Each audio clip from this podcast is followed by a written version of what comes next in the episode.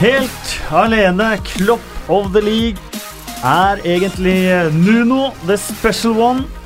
Vi ser litt ekstra på uh, Leeds, og vi ser litt ekstra på Newcastle. Går de ene opp, og går de andre ned. Um, en kritisk Paul Pogba i Manchester United, og det begynner å nærme seg noe som uh, kan ligne på en lakmustest for uh, både Chelsea og Liverpool. Dette er uh, Ny utgave av podkasten en dag tidligere enn vi pleier. Håper ikke det gjør noe. Og med et rekordstort panel, for i og med at vi skal prate om Leeds, så har vi rett fra podkasten White Noise og i supporterklubben til Leeds, Andreas Milde. Hei. Veldig hyggelig å ha deg tilbake. Jo, takk for å bli invitert. Det er liksom sånn hver gang vi tror at nå nærmer Leeds seg sånn Kanskje nå må vi oppdatere oss på Leeds for neste sesong, så skal vi ha det i Premier League. Så kommer du innom, eh, men da har de stort sett tapt. Ja, vi snakket jo om det på fredag, at nå må vi snakke Leeds, og da sa jeg at da kommer det til å ryke, og det gjorde det. Jeg skudde av kampen etter 20 minutter, og da var det Da lå det under 2-0, og ja, tapte 2-1. Ja, for Leeds i gammel vane, de møtte en eh, tidligere Leeds-manager, og de møtte et lag som eh, etter åtte kamper denne sesongen faktisk ikke hadde en eneste seier. Nei, så da lå jeg alltid rette for et uh, tap, da. Så, så det kom. Det, Gary Monk kom tilbake, han har vært der før og var med Middlesbrough i fjor òg, men um, nei, de, de, røyk, rett og slett. De gjorde det, og det skal vi snakke mer om. Eh, vi har eh, Espen Veen som kommenterte eh, Watford. Ja. Kommenterer mye Watford, jeg. Du gjør det? Ja, ja, det er, midt, det er hver uke, den. Det er veldig lett å forberede seg på, for det er samme lag hver gang. Veldig greit, ja. veldig deilig. Og så har vi Endre Olav Osnes. Yes. Velkommen. Takk, takk. Du, du eh, jeg òg. Du, du, kjører, du kjører, bare... ek, kjører ekte hat trick, du nå. Ja, jeg gjør det. Jeg gjør det. Vi fikk uh, litt sånn uh, uventet uh, tillit, så da er det bare å smi mens jernet er varmt. Ja, for at du fikk litt ros av Halvard her, her sist. Jeg gjorde det. Jeg, jeg beklager veldig til Halvard for at jeg takket for rosen. Den Ros er uh, veldig godt å få, uh, men da skal man ikke respondere med å takke Harald. så vi har altså fått får litt sånn litt ros og litt ris. så fikk jeg også ris for at jeg sa to fluer i én smekk. Det heter jo to fluer i ett smekk. så Martin Wiik vil gjerne beklage det. Jeg sa at Pavard spiller i Paris Jean Saint-Germain, det syns jeg vi kan la passere. Han er tross alt eh, fransk. Og at det var Odoi som mista ballen for Fullheim, kan nå passere, fordi han var pusete uh, i involveringen. Han var uh, delaktig i det, men uh, to fluer i ett smekk og en... Harald i stedet for Halvard, det skal vi ta selvkritikk for. Er det én stadion eller ett stadion? Det er vel Det er strengt, det her. Jeg er redd for å si, si ting her. Den er, den er, interessant. Den er ikke så interessant. Er det ett stadion eller ett stadion? uh, Ven, du er jo lærer. Uh, ja, uh, jeg pleier ikke å gå på stadionen, så det må jo være ett. Det er helt ja. korrekt. Takk. Et stadion. Vi begynner uh, på stadionet ditt, Espen. Fulham Watford. kanonstart for Watford, da. Ja, det tok 90 97 sekunder før uh, Alfie Maasen dreit seg ut uh, første gang, og det fortsatte han med hele første omgang. Så det var jo enkelt spillerom for uh, Will Hughes og, og Watford, som feide over Fulham i den første gangen. Fulham var grusomme, rett og slett. så sa vel Jokanovic at han gjerne kunne gjort fire bytter i pausen, men det går jo ikke, så han gjorde to. Fulham kom ut i andre gang mye bedre, og Mitrovic, som var i lomma til Kabasele, hele første gangen og de første 15 av den andre. Plutselig så skvatt han opp fra baklomma og satte 1-1. Og kunne også, bortsett fra Eller hadde ikke vært for fingertuppet fra Foster, så hadde han, hadde han blitt matchvinner. Og der er det en litt morsom historie, fordi når jeg kommenterte den, så står det en kar bak da, og filmer. Altså, han står med iPhone-kameraet sitt og filmer når Mitrovic header. Og så sier han sånn som ah, han hadde vel håpa å få en matchvinnerscoring på kameraet sitt der. Og så klokka sånn eh, halv tolv på kvelden på lørdag så tikker inn en eh, tweet bare Ja, det stemmer det. Uh, så var det Martin, Martin Playmaker på Twitter som, som hadde filma det der. Så uh, det hadde du helt rett i. Så, så sendte, så la han ut videoen, og det var i riktig vinkel og la vi bevis og sånn. Så um, shout-out til Martin Playmaker. Dessverre. Ja, ja, du tok ikke og meldte han liksom for brudd på copyright uh, og liksom legge ut det er ikke eh, mitt ansvar, føler jeg. Jeg bare hylla det. Jeg syns ja, det var Da hadde du vært var verdens minste person hvis du hadde gjort det. Uh, ja, det hadde jeg kanskje vært. Jeg er ikke så stor allikevel, men så liten er jeg kanskje ikke. Nei. Um, Henrik Laursen spør tanker om Fulham sitt kjøp av Sergio Rico på deadline day. Et kjøp jeg skjønner mindre og mindre av, med tanke på at han forlater Sevilla for å være tredjevalg i Fulham. Nå er han andre keeper, da. Nå er han andre Han keeper, benken, men han har vel ikke spilt noe som helst. Og Erik Thorseth sa vel her i en av de første podkastene at han har blitt lurt. Ja, Har han det? Hvordan det? Ble henta, så henta de Fabri, Ja. og, og så Så bruker de de Bettinelli. så brukte de, brukte de Fabri i starten helt til de skulle bruke Bettinelli. Men Bettinelli var veldig, veldig god eh, mot uh, Watford, og hadde jo kapteinspinn i andre omgang også. Så nei, han har vel kanskje blitt eh, lurt. Han har ikke jeg sett Sergio Rico altfor mye, så Men det er ikke noe å utsette på det Bettinelli gjorde i denne kampen her, i hvert fall. Så Mulig han har blitt lurt, men han uh, har blitt lurt og tjener litt kroner, så det går vel greit. Det, er det som er litt, eh, litt interessant, eh, det er jo at um, sånn lønningsmessig så er det vel Ja, i Spania er det vel bare Real Madrid, Barcelona, Atletico Madrid kanskje, som kan uh, Altså at uh, da alle lag i Premier League kan eh, matche lønningsnivået Ja, altså, det her ble Ja, dårlig jeg skjønner hva du formulert mener, for tidlig på at morgenen. eh, alle 20 Premier League-klubbene er blant verdens, nei, Europas eh, 40 rikeste klubber. Ja, så det er eh, så lenge de ikke konkurrerer med De kan bare plukke spillere, egentlig, da, fra alle andre klubber enn Real Madrid, Atletico Madrid og Atletico Madrid. eh, sånn rent lønnsmessig. Nå sto, eh, stokker det seg veldig her, eh, men eh, For den smørbrødlista til å beklage Så det er penger, neste det er penger eh, involvert da. Det er det. Eh, Premier Leagues toppskårer, Mitrovic. Ja. Det er ganske sjukt at han uh, har skåra flere enn Newcastle. Tipper det sitter noen oppe i Newcastle der og lurer på hva som uh, skjedde, men uh, ja. Det er sikkert det er mye annet som skjer i Newcastle nå, som de kan lure på. ja, det skal vi prate litt, uh, litt om. Eh, Mitrovic, han er i, han er i uh, Fulham. Mm. Og han er vel kanskje mannen Newcastle har trengt. Ja, det er mange som lurer eh, på det her, og jeg lurer også selv på det. Men eh, nå har jeg faktisk eh, Nå har jeg en teori. bare så et forslag til teori her. Det er at uh, Fulham de er et relativt ballbesittende mannskap. Det er de. De har ballen mer enn Newcastle, som er et kontringsbasert lag. Og Mitrovic, det her har han gått ut og sagt selv når han var i Newcastle, at han klagde på at han hadde for lite krefter da, i avslutningsøyeblikket, fordi han måtte jobbe for mye uten ball. Han måtte løpe for mye defensivt. Um, så det her var egentlig en, uh, en greie. Benitez og Mitrovic var eh, enige, at han passet ikke helt uh, inn. I tillegg så fikk han jo masse sjanser. Han fikk nok av sjanser, men han skårte færre mål da, enn Daryl Murphy i championship, til tross for at han spilte flere minutter, så han var ikke effektiv. Og det her var en ærlig sak, og det her tok Benitez og Mitrovic hverandre på, i hånda på, at det her eh, er egentlig en, en dårlig match, da. I tillegg så er det det at eh, Rafa Benitez sannsynligvis ikke stolte på Mitrovic, eh, i den grad at han er en litt løs kanon på dekk, og det har han også vært i. Det var en episode i championship som gikk helt under, eh, under radaren, når eh, Millwall-spiller Cale setter eh, albuen i adamseplet på en Fulham-spiller. Og spillet fortsetter, dommer følger med på spillet, og Mitrovic han kommer inn og setter en albue eh, i hodet på Cale. Cale eh, fikk eh, karantene. Eh, FA gikk ikke inn og så på Mitrovic-saken engang. Han er ikke snappet opp av, media eller noe. Så Mitrovic han er en, han er en eh, løs kanon, og det er han fortsatt. I tillegg til at han ikke fungerte så veldig godt. Det er, det er jo sånn at noen fungerer bedre. Altså Det er jo, ser man jo i ekteskap òg, liksom, og, og forhold. At det er rett og slett en dårlig match, da.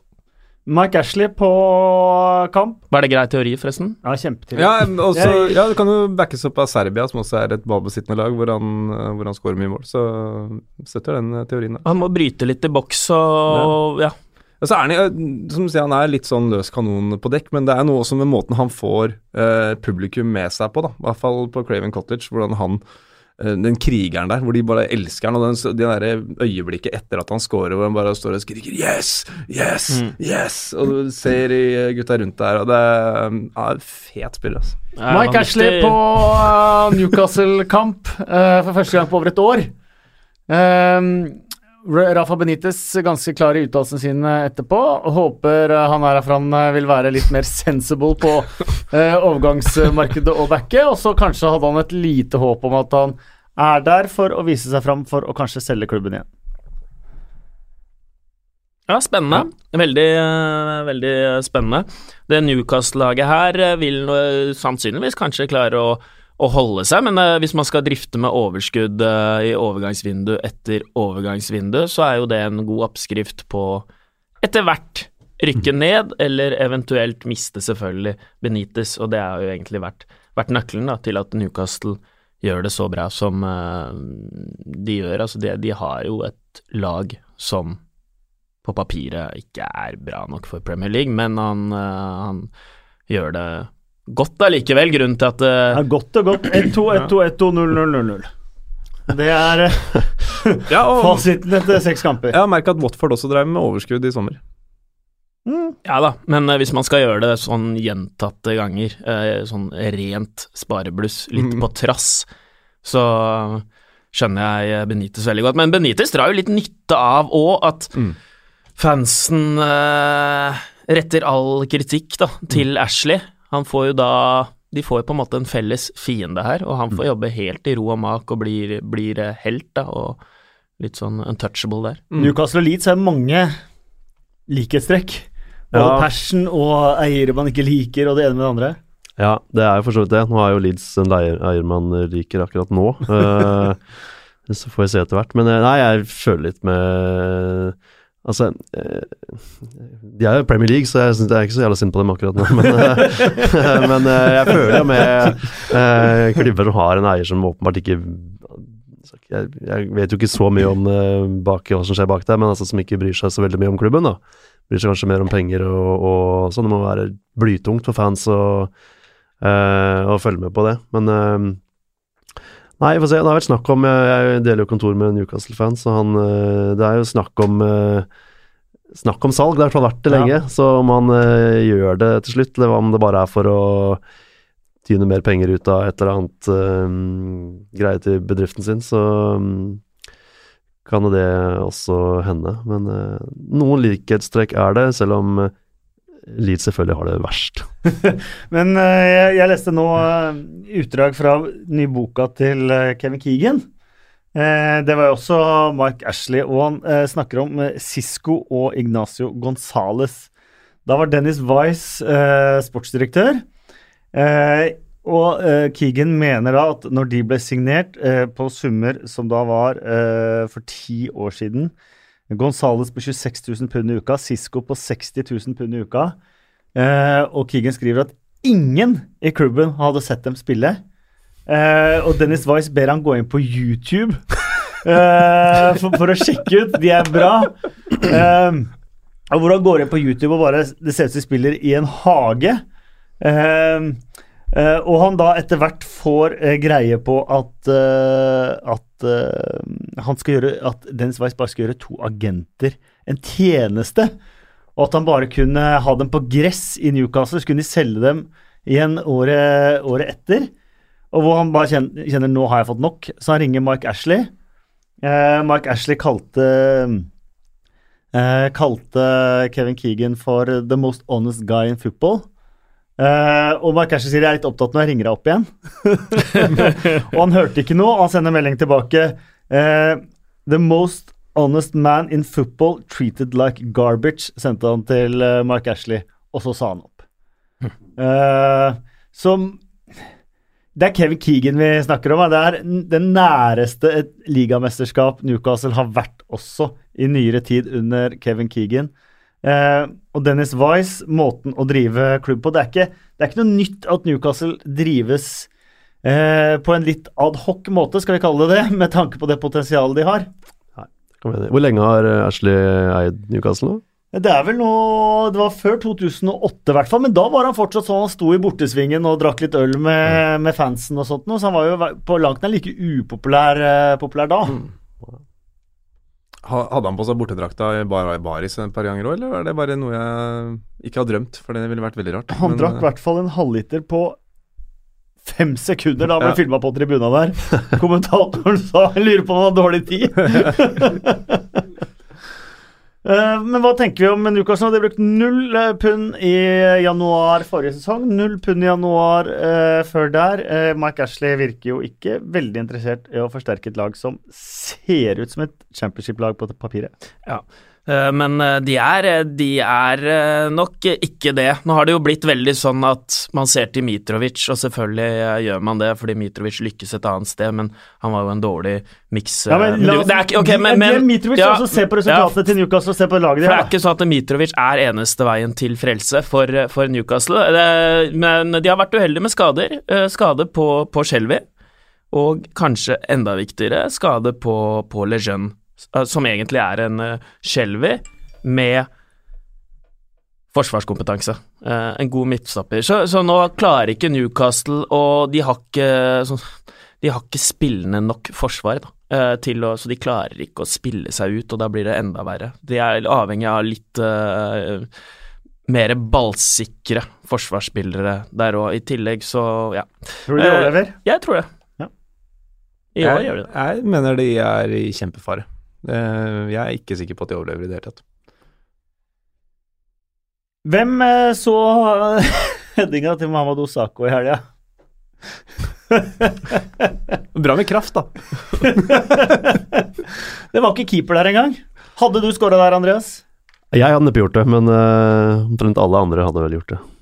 Jeg hadde ikke vært der, så hadde jeg ikke, hadde ikke rørt skåret. Så det eneste som egentlig hadde skåra her, er EO? Er det det vi sier?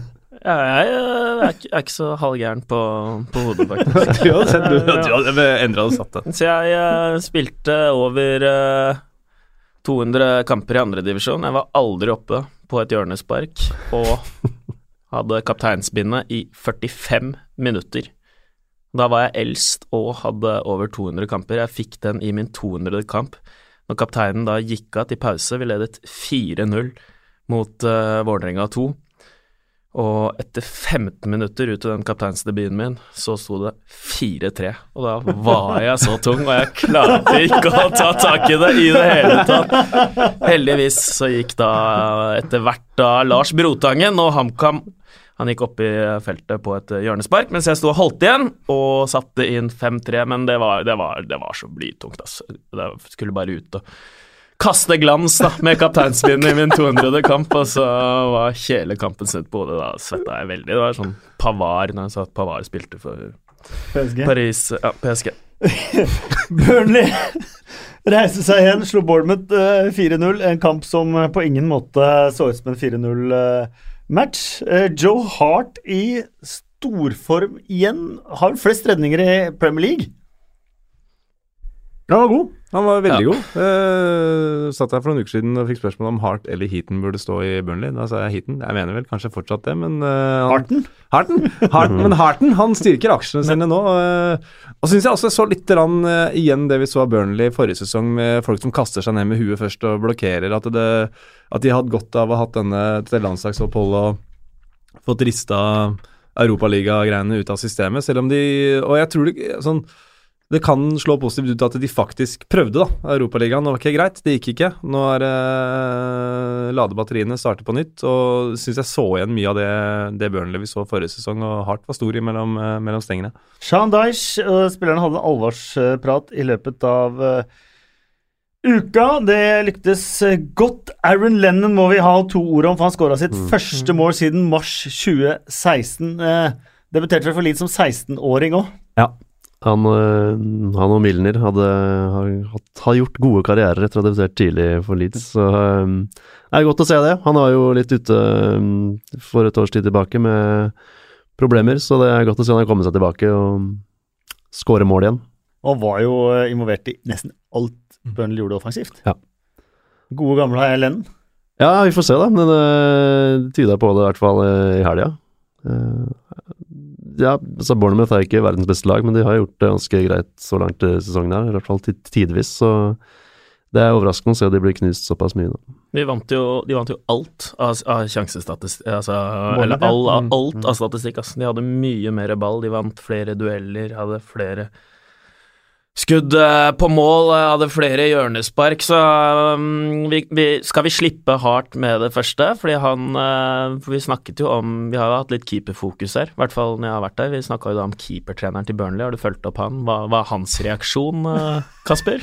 For han er fornøyd jeg, med ha hatt tre keepere der som alle er i landslagsskorpa til, eh, til England. Westham eh, de tapte sine fire første, slo Everton borte. Skulle da neste test for Chelsea hjemme. Har rotert enormt mye både på lag og formasjon. Så ut til å finne noe mot uh, Everton. Gikk med samme laget bortsett fra Arnatovic, som var uh, skadd, og klarte 0-0 mot Chelsea. Og burde avgjort, for da kan vi ta en avstemning. Hvilken heading var verst? Sako eller Jarmolenko? Sako. Lett. Lett? Ja, ja. Mm. Lett. Lett? Ja, ja, ja.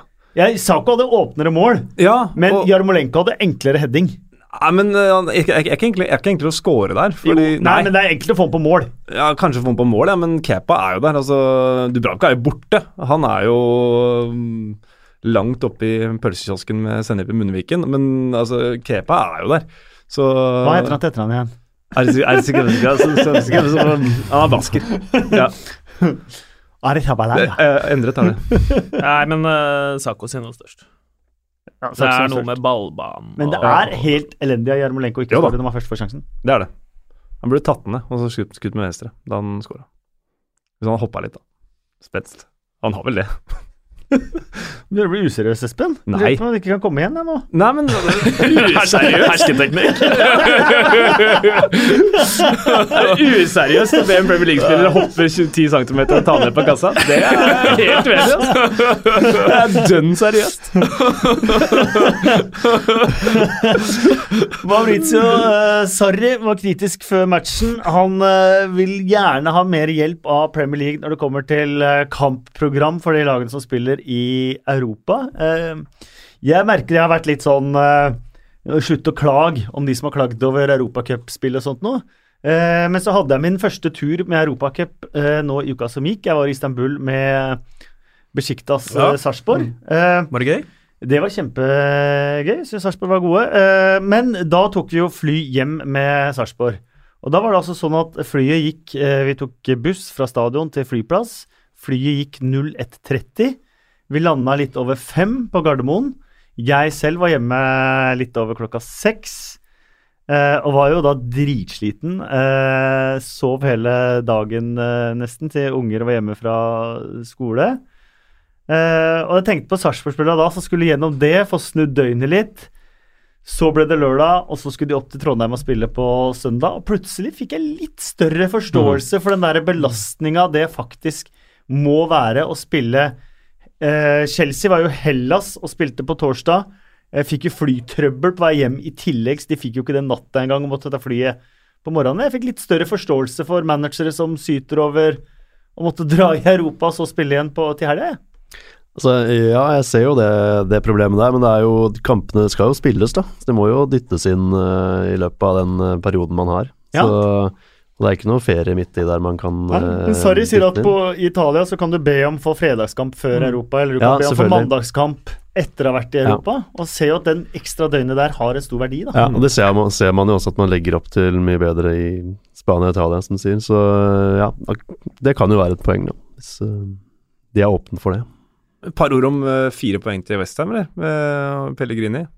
Ja. Ser jo bedre ut nå. Ja, han har funnet, eh, Ja. funnet sin form nå, ser det ut som. Eh, Ja. Fabianski eh, Stor mellom stengene. Han Stor mellom stengene. Mark Noble imponerer meg. Mm. Sabaleta er på mange måter også. Eh, og ikke minst Declan Rice. ja, han var god. Mm.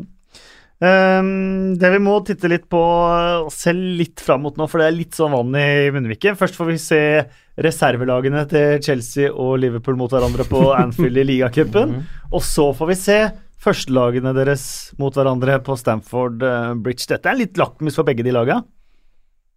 Absolutt. Uh, og Liverpool har vel uh, Er det Napoli og City også nå, de fire neste? Så det er jo et uh, er lakmustester i, i, flertall for, for Liverpool, som, som ser ut til å bare toge på videre og kan rotere, og de holder seg likevel bra oppe i ringa, da.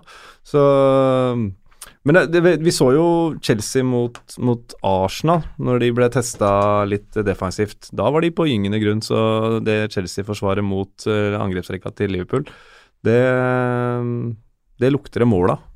Vi er ett år bak Liverpool, sier, uh, sier Sarri. Er det litt defensivt før den matchen, eller er det sånn at hvis de vinner, så kan han si noe annet? Det er lurt å være litt uh, defensiv. Men er de ett år bak Liverpool? Ja, han er i hvert fall det. Er de, uh, er de ikke utfordrere til ligaen, da? Jo. Jeg sier det. Jeg sier òg det. Ja, absolutt. Jeg er ikke over på din side enda, Kasper, med at jeg tror Liverpool vinner serien. Men uh, han trenger tid, og det er jo det er, ja, det, er noe, det er, ikke noe, å henge seg opp i det, men han uh, trenger jo selvfølgelig tid som alle andre. Det er jo fordel å, å være der uh, lengre. Lakmustest uh, for de som sitter og lurer på, for så er jo det en veldig sånn klar og tydelig måte å få et svar på, da. Det er en pH-indikator, så at det ikke blir for gutteromsbasert her vi sitter. Men han jeg trenger tror de fleste jeg, jeg, Det er ikke alle som vet hva det er. Såpass at de fleste vet hva lakmustest er. Ja, jeg, men, jeg, sliter litt når du begynner å snakke om pH-verdier. Det, ja. det blir nesten mer forvirrende for meg. Men det, er kanskje... det er ikke langt unna EO-verdi. Og hvis du ser Og så sier du at jeg er useriøs! EO-verdien her nå, når vi får forklart lakmustesten. Men uh, nei, han er jo ett år etter. Kanskje to. Han trenger jo tid, den. Det har vi jo sett allerede. Han har sluppet uh, Han har jo hatt en sånn innkjøringsfase hvor det har vært veldig sårbart bakover, mm. men han har uh, kommet gjennom den uten med, med tapt to poeng. Mm. Så de kommer bare til å bli bedre og bedre. Jeg syns de er vanvittig kule å se på. Det er det mest underholdende laget i Premier League i øyeblikket. Det var gøy å se 0-0 òg.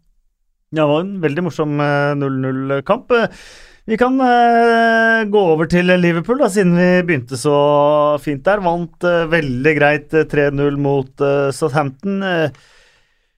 Gjorde et par roteringer på laget, får vi si. Mm. Men så kom jo det merkelige lede 3-0. Ville kontrollere kampen ut, det kan man forstå. Spesielt litt sånn med tanke på den Liverpool-historikken med eh, sånn det har vært med å gitt bort faktisk 3-0-ledelse også mot eh, Sevilla. men hvordan får det Shakiri til å føle seg som litt sånn ny i klubben? Ikke helt liksom sånn før han får vise seg fram både for fans og for Klopp. Eh, gjør en kjempegod førsteomgang. Eh, skyter frisparket som Salah scorer på, og blir bytta ut i pause for Milner. Jeg skjønner ikke det byttet. Jeg har allerede hatt den diskusjonen med en Liverpool-fan uh, før jeg kom hit i dag, uh, og han mente at uh, Hørte du ikke hva Klopp sa? Det var på grunn av at Men jeg er sånn Jo, jeg hørte jo hva han sa, men jeg syns det er var det han Erik Niva sa, at det er ikke noe vits å ta ut Shakiri bare for å flytte litt om på Milner, for å få han litt annet sted i banen. Det Nei, Jeg syns det var rart bytte, men jeg, altså, jeg, skal ikke si noe på taktikken til Klopp heller, selvfølgelig. Men uh, han kunne sikkert fått uh, en halvtime til, og fått en godt av med stående applaus uh, på slutten av kampen, f.eks. Bedre følelse. Men er det sånn at dette her kan sette liksom Shakiris Ikke Liverpool-karriere bak, men men at man, man, har, man, skal ta de stegene og bli førstelagsspiller og så få den tryggheten på banen, men at man blir satt litt tilbake av det at man blir bytta ut sånn? Nei, det tror jeg ikke. Han er såpass erfaren, og han hadde jo snakka med han ganske tydelig, åpenbart, derfor han tok han ut. Og eh, han er jo Han forstår vel at han er litt bak i rekken der uansett, så jeg tror ikke det, jeg tror ikke det har så mye å si for han, bare følelsen der og da, kanskje. Ja, men så, så, lenge det kommuniseres ut. Det er en liten sånn kjepphest. Man kan ta en spiller til pause og ikke si noe til han, og så er det helt uh, mørkt, da. Uh, men man kan ta en spiller til pause og så forklare det med to setninger. Bare la han bli sett, så tror jeg han skjønner det helt fint. Han veit jo selv at han har gjort en bra match, mm. så tror ikke Ja, det er greit å gi seg mens leken er god, da. Kommer jo mange kamper og akklimatisere. Vi kan i hvert fall ikke ta klopp på resultatene. Nei, så, ja, så er det Akkurat deilig, ja, så er det deilig også når du, hvis du har gjort, hatt nesten en plettfri 45 minutter, da. Så Mm. setter du deg på benken og tenker 'i dag var jeg god', og så kjipt jeg fikk spille videre, men i hvert fall en god følelse. Mm. Det um, Klopp uh, jeg skulle gjerne skulle ønske han kunne visst, da, var vel eh, hva Hughes antageligvis har sagt i pausen til Southampton. For han snakka om damage limitation etter å ligge under 3-0 til pause. Det er liksom bare ikke snakk om å gå for det. det var, nei, nå må vi bare begrense tapet. Eh, det er så nitrist, altså. Det er så mørkt.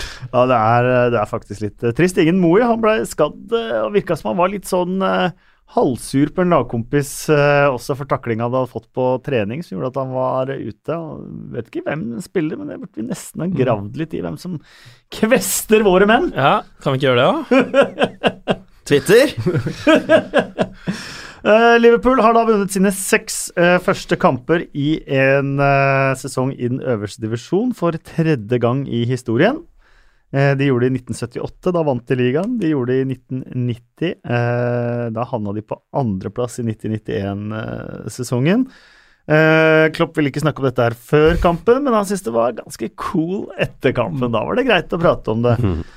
Um, da eh, må vi prate litt om eh, Leeds. Leeds som da har hatt 14 managere de siste seks årene, inkludert caretakere. Da har vi tatt med Neil Redferns eh, forskjellige perioder. Ja, ikke test meg på de navnene, for det er Nei, der er det mye, mye rart, eh, faktisk. Jeg syns eh, faktisk ansettelsen av Dave Hockeyday Der har vi en historie. må ha vært den beste. Han hadde vel vært coach i conference? Forest Green Rovers hadde han vært uh, Ja, før de rykka opp i ligasystemet. Ja. Så, og leda noen akademier på noen klubber. Nei, det var det rareste Det er vel det rareste, ja. Ja. Uh, men satt han jo i 28 dager eller sånn nå. Så, Ja. Og det var jo snittperioden for managere en, Ja, en periode. 28 dager. ja, noe sånt. Det var Han uh, slo Brian Clough, i hvert fall. Ja. ehm, nå har de en ny eier, og de har ikke minst eh, læremesteren til veldig mange av de managerne som har hatt stor, stor suksess. Eh, han har hatt suksess selv også, Marcelo Bielsa. Eh, fortell både om en ny eier og Bielsa. Uh, Andrea Radrizzani tok jo over klubben etter eh, han uh, Celino, gærningen, som var eh, holdt på å kjøre klubben både skakk og hit og dit og opp og ned. Men eh, han tok over eh, i, før sesongen i fjor, og fikk egentlig ganske stabilitet i klubben, da. Eh, populær eier blir man jo aldri, måte, men han fall Han har gjort veldig mye riktig, som å ansette, ta tilbake folk som har fått sparken, ta damelaget inn i, inn i klubben igjen, eh, sponse lokale publag. altså Han gjør mye for byen, da. På å samle byen. Det, er, det har på en måte vært et problem. Når jeg er i Leeds, så ser jeg aldri folk gå rundt i Leeds-drakter. Jeg ser Manchester United, Liverpool, eh, som er veldig rart i en storby som Leeds. Eh, men nå begynner liksom byen å få følelsen med klubblaget igjen, da. Det er veldig godt å se. Eh, så han er ingen styrtrik eh, fyr. Han har penger, selvfølgelig, men ikke noe sånn ikke noe Wolves, uh, for eksempel, sånn kinesisk konsortium, det er ikke, det er ikke nærheten av. Men uh, så De store spillerne har ikke blitt kjøpt inn, men uh, man har brukt litt penger på Bjelsa nå, da. Som uh, Men det er stort sett nesten samme laget som forrige sesong. Ja, det er det som gjorde meg fryktelig skeptisk, for han ville ikke ha så mye nye spillere, egentlig. Jeg var fornøyd med de der uh, fjolsa som kom på 14.-plass i fjor og spilte egentlig ganske ræva på slutten av sesongen der, men han bare Han sa at det her, dette fikser vi. Og det så kan man si det veldig enkelt. Det er godt, det er godt å se liksom, at en manager faktisk er bare god. Da. og kan endre endre et lag uten å bruke 100 milliarder kroner på å kjøpe inn et nytt lag. Men eh, det var vel det Guardiola sa vel det da Leeds av Bielsa, at det som er så bra med Bielsa, er at han gjør spillerne sjukt mye bedre. Og det ser man jo også, at han har fått en helt ny mentalitet i klubben. og eh, De trener masse mer, og alle spillerne liksom elsker han. Eh, Pontus Jansson sier han slutta å drikke øl og har gått ned fire kilo. Jeg var kjempefornøyd har fått en ny mål, liksom. og ser Alle spillerne ser bare tynnere ut og linere ut. og så det er ganske sprøtt å se på, altså. Det, første kampen så var det én ny spiller, Barry Douglas, da, fra, som kom fra Wolves. Veldig godt kjøpt, for så vidt. Eh, som var liksom den nye spilleren fra sesongen i forkant. Og de, oh. de knuste jo Stoke og Derby sånn i starten her. Det var veldig er Det rart er å se på. kommende sesong og bare yes, gleder meg til å se Barry Douglas spille. Mm. Altså. Vi har ny venstrebekk. Vi har ny venstrebekk. Men det er jo sånn eh, Hvis man er inne og leder Han er jo ja, en innovator. Det står jo side opp og artikler ned igjen eh, om eh, taktikken hans. Ser du det på en Ja. måte på banen? Ja, helt klart tydelig. Han er, han er jo helt tro mot uh, taktikken, og han endrer den jo ikke, uansett hva som skjer. Uh, han gjør noen smågrep der, men vi ser jo helt hva de spiller, de, altså I starten spilte de også, det var som å se liksom Barcelona spille pasningsspill som bare eh, Jeg trodde ikke de folka der kunne spille sånn fotball, da, for å si det sånn, men spiller seg ut bakfra, og det går kjempefort, og de farer i angrep når de først får ballen, liksom. og så man ser helt tydelig hva han har gjort, men eh, som jeg sa til Kasper også på fredag, at jeg var egentlig ikke Jeg var ikke spesielt positiv da han kom, for jeg tenkte at jeg brukte veldig lang tid på å få han hit. Han brukte masse penger, han ville ikke ha noen nye spillere. Um, så er han jo gammel, liksom, oppi Mm. åra. Jeg har ikke- jeg har ikke fulgt han med argusøyne de siste årene, så jeg tenkte sånn åh Altså Selv ikke liksom Guardiola på Coutinho kunne gjort noe med det laget der, tenkte jeg. Det var, sånn- det var, min, det var, min, det var mitt, det jeg slo i bordet med, da. Men kanskje ikke de kunne, men Bjelsa kunne tydeligvis det. Så- Så det, han, har jo, øh, spiller ekstremt krevende fotball, vel, eh, og det er championship. Det er 46 kamper pluss cuper og alt mulig. Han har vel eh, en gang sagt at hvis fotballspillere var roboter, så hadde laget mitt vunnet alle kampene.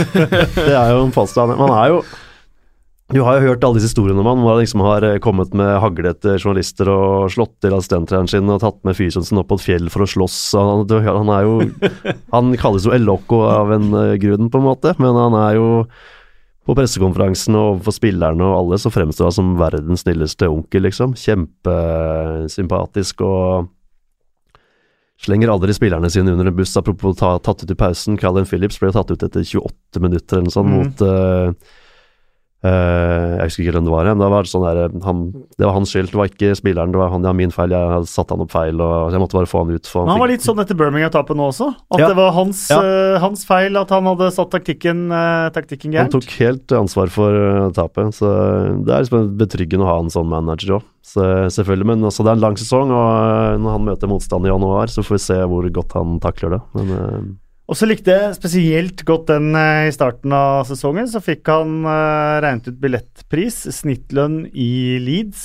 uh, hva vanlige folk tjener i Leeds. Uh, fant ut hvor mange timer folk måtte jobbe for å ha råd til én kampbillett. Og sendte spillerne ut for å plukke søppel i de timene det tar, bare for at de skulle skjønne hva Litt, I hvert fall bitte litt hva folk må eh, gjøre for å se dem spille. ja, det har vært noen sånne historier. Det er jo, det er jo Han ble spurt om det, og han sånn Ja, det kan ha skjedd, og det kan ikke ha skjedd. Det er mulig.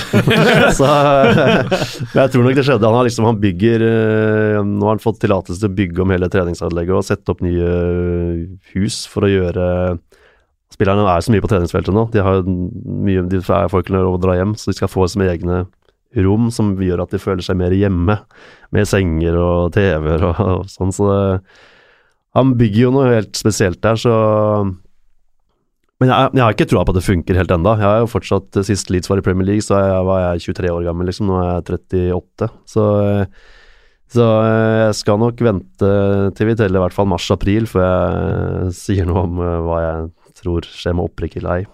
Det er fantastisk, eh, bare å, det grepet med å sende spillerne ut og plukke søppel. Det, ja, det varmer faktisk. Ja. Da har man litt uh, forståelse av uh, det store bildet her. Ja, og det er det som er så fint, fordi det virker som liksom når man hører at det kommer en ny manager inn, han endrer alt, han tvinger dem til å plukke søppel og trene dobbelt så mye som de gjorde før, og løpe, løpe, løpe, løpe og terpe, terpe, terpe, så kan tenke at spillerne kanskje blir litt sånn lei, og fy fader, det her Men alle spillerne virker som han elsker Bjelsa, da.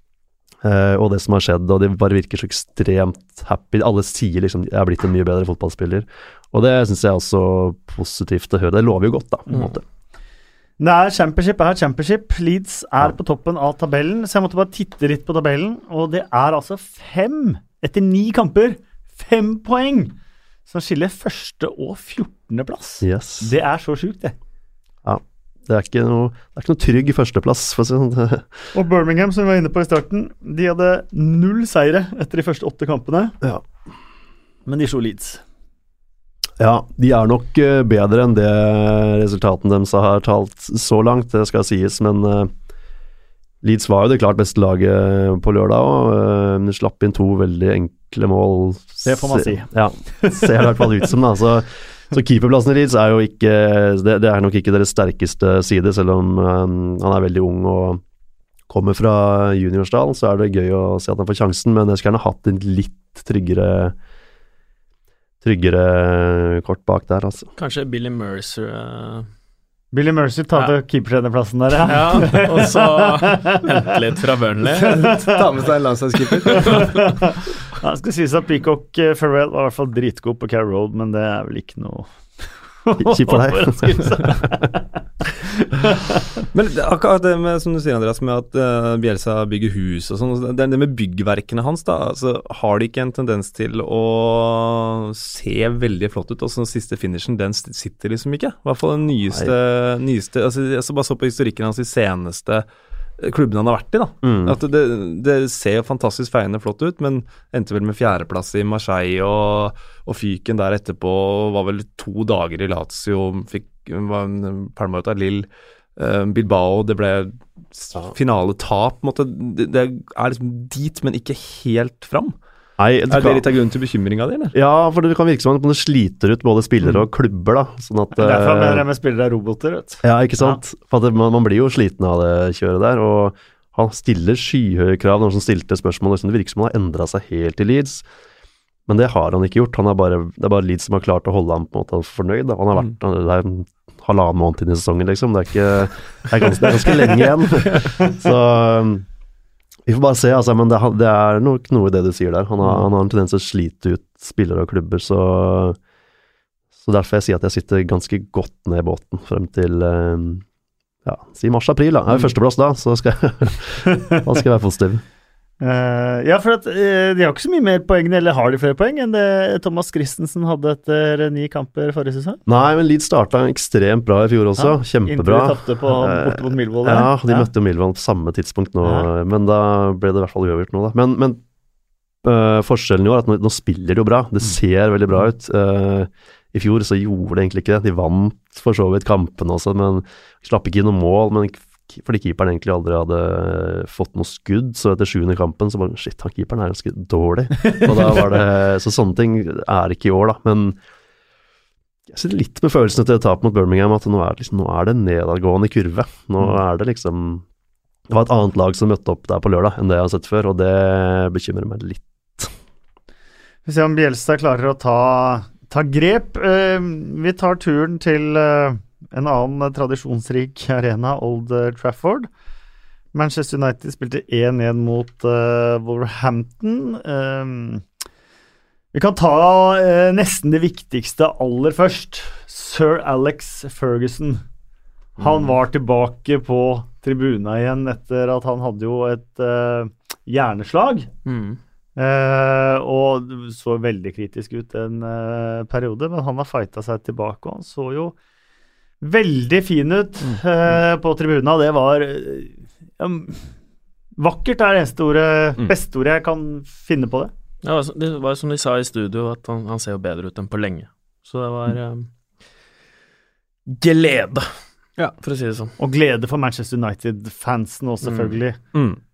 Det er vel kanskje det, det øyeblikket der som gjør at uh, man glemmer at det bare ble ett poeng hjemme mot uh, Wolverhampton for mange. Uh, så ja, det var, eh, det var vakkert. Eh, José Mourinho eh, han var kritisk til egne spillere etterpå. Han sa at Wolverhampton var eh, friskere, mer aggressive, løp mer. Paul Pogbas respons på det var vel egentlig å legge skylda litt tilbake på Mourinho uten å gjøre det. Det kan jo tolkes på mange måter, det Pogba sa. Pogba sa vel at eh, de vil han vil at de skal angripe mer på hjemmebane, men I cannot say that because I'm not the manager. Kan jeg eh, få skyte inn eh, noe der? Når jeg så Paul Pogba mm, som står eh, med en såledragning på midten der og mister ballen, Mm. så tar det faktisk ti sekunder, i hvert fall på det klippet jeg så, før han er tilbake igjen. Altså, han, han mister ball, og så er det ti sekunder før han er tilbake i monitoren igjen. Og det, det returløpet der, det er så slett, og det er så sløvt, og det er så arrogant. Så han burde i hvert fall ikke si noen ting etter den eh, kampen her i det hele tatt. Og hvis han absolutt vil til Barcelona eller eh, hvor han vil, så skal jeg like å se den eh, innstillingen der og se hvordan han klarer seg. Da ønsker jeg han lykke til, fordi det det er kanskje sånn vi har fokus på i Norge, liksom, returløp og ærlige fotballspillere, men det er, det er jo en grunn til det, og skulle gjerne sett han i Pep sitt eh, regime. Kanskje, kanskje var det noe sir Alex eh, så den gangen, at han ikke gjorde nok for å holde han. Fordi eh, han er en fantastisk fotballspiller, utrolig god, men eh, han er litt for kul. Det returløpet der, eh, det provoserte meg faktisk. Åtte poeng opp til eh, Liverpool. Er det for mye allerede? Ja, det er det jo. Uh, tenkte før sesongen at uh, United ville være Eller Manchester United ville være klink uh, topp fire, men nå tror jeg det blir en ordentlig fight. Altså, du ser at Arsenal begynner å få seier på seier og på seier også. så Um, tror United skal få kjempe med, med Arsenal og, og, Tottenham, sånn som det ser ut nå, om den siste, siste fjerdeplassen. Det, det ser ikke godt nok ut. Samtidig så var det med Mourinho, han var jo han var kritisk, men han var ikke sånn surmaga, pottesurkritisk, da, for å ta det. Det var jo Men må han ikke ta litt av skylda selv, hvis det han mener virkelig det han sa? Jo, hvis han mener at de ikke er motiverte nok, men så er det ikke motivasjonen i seg selv å gå ut på Old Trafford òg, tenker, tenker, jeg. For, for, spillerne støtter jo deg 100% Endre med, med det Pogba-klippet. Jeg la merke til det sjøl. At uh, Nei, men, du, du, må, du, må, du, må, jo prestere onsdag og lørdag. Ja, men det eh, argumentet kjøper ikke jeg helt fordi eh, Ikke fordi, men en, eh, et godt eksempel på det, da, mm. er jo eh, at sir Alex Ferguson eh, og David Moyes det, Så å si samme tropp, så å si samme lag. Mm. Førsteplass og sjuendeplass, var det ikke det? Sjuendeplass på Moyes? Ja. ja. Fikk en Fellaini, da. Ikke sant. Ja. Eh, men så å si samme lag. Så det, selvfølgelig må du gjøre en jobb på den ja fronten der, selv om spillerne dine får lov til å spille for Manchester United og spille på Old Trafford. Selvfølgelig. Og selvfølgelig har jo Mourinho um, mye av Han er han som sitter med ansvaret til syvende og sist.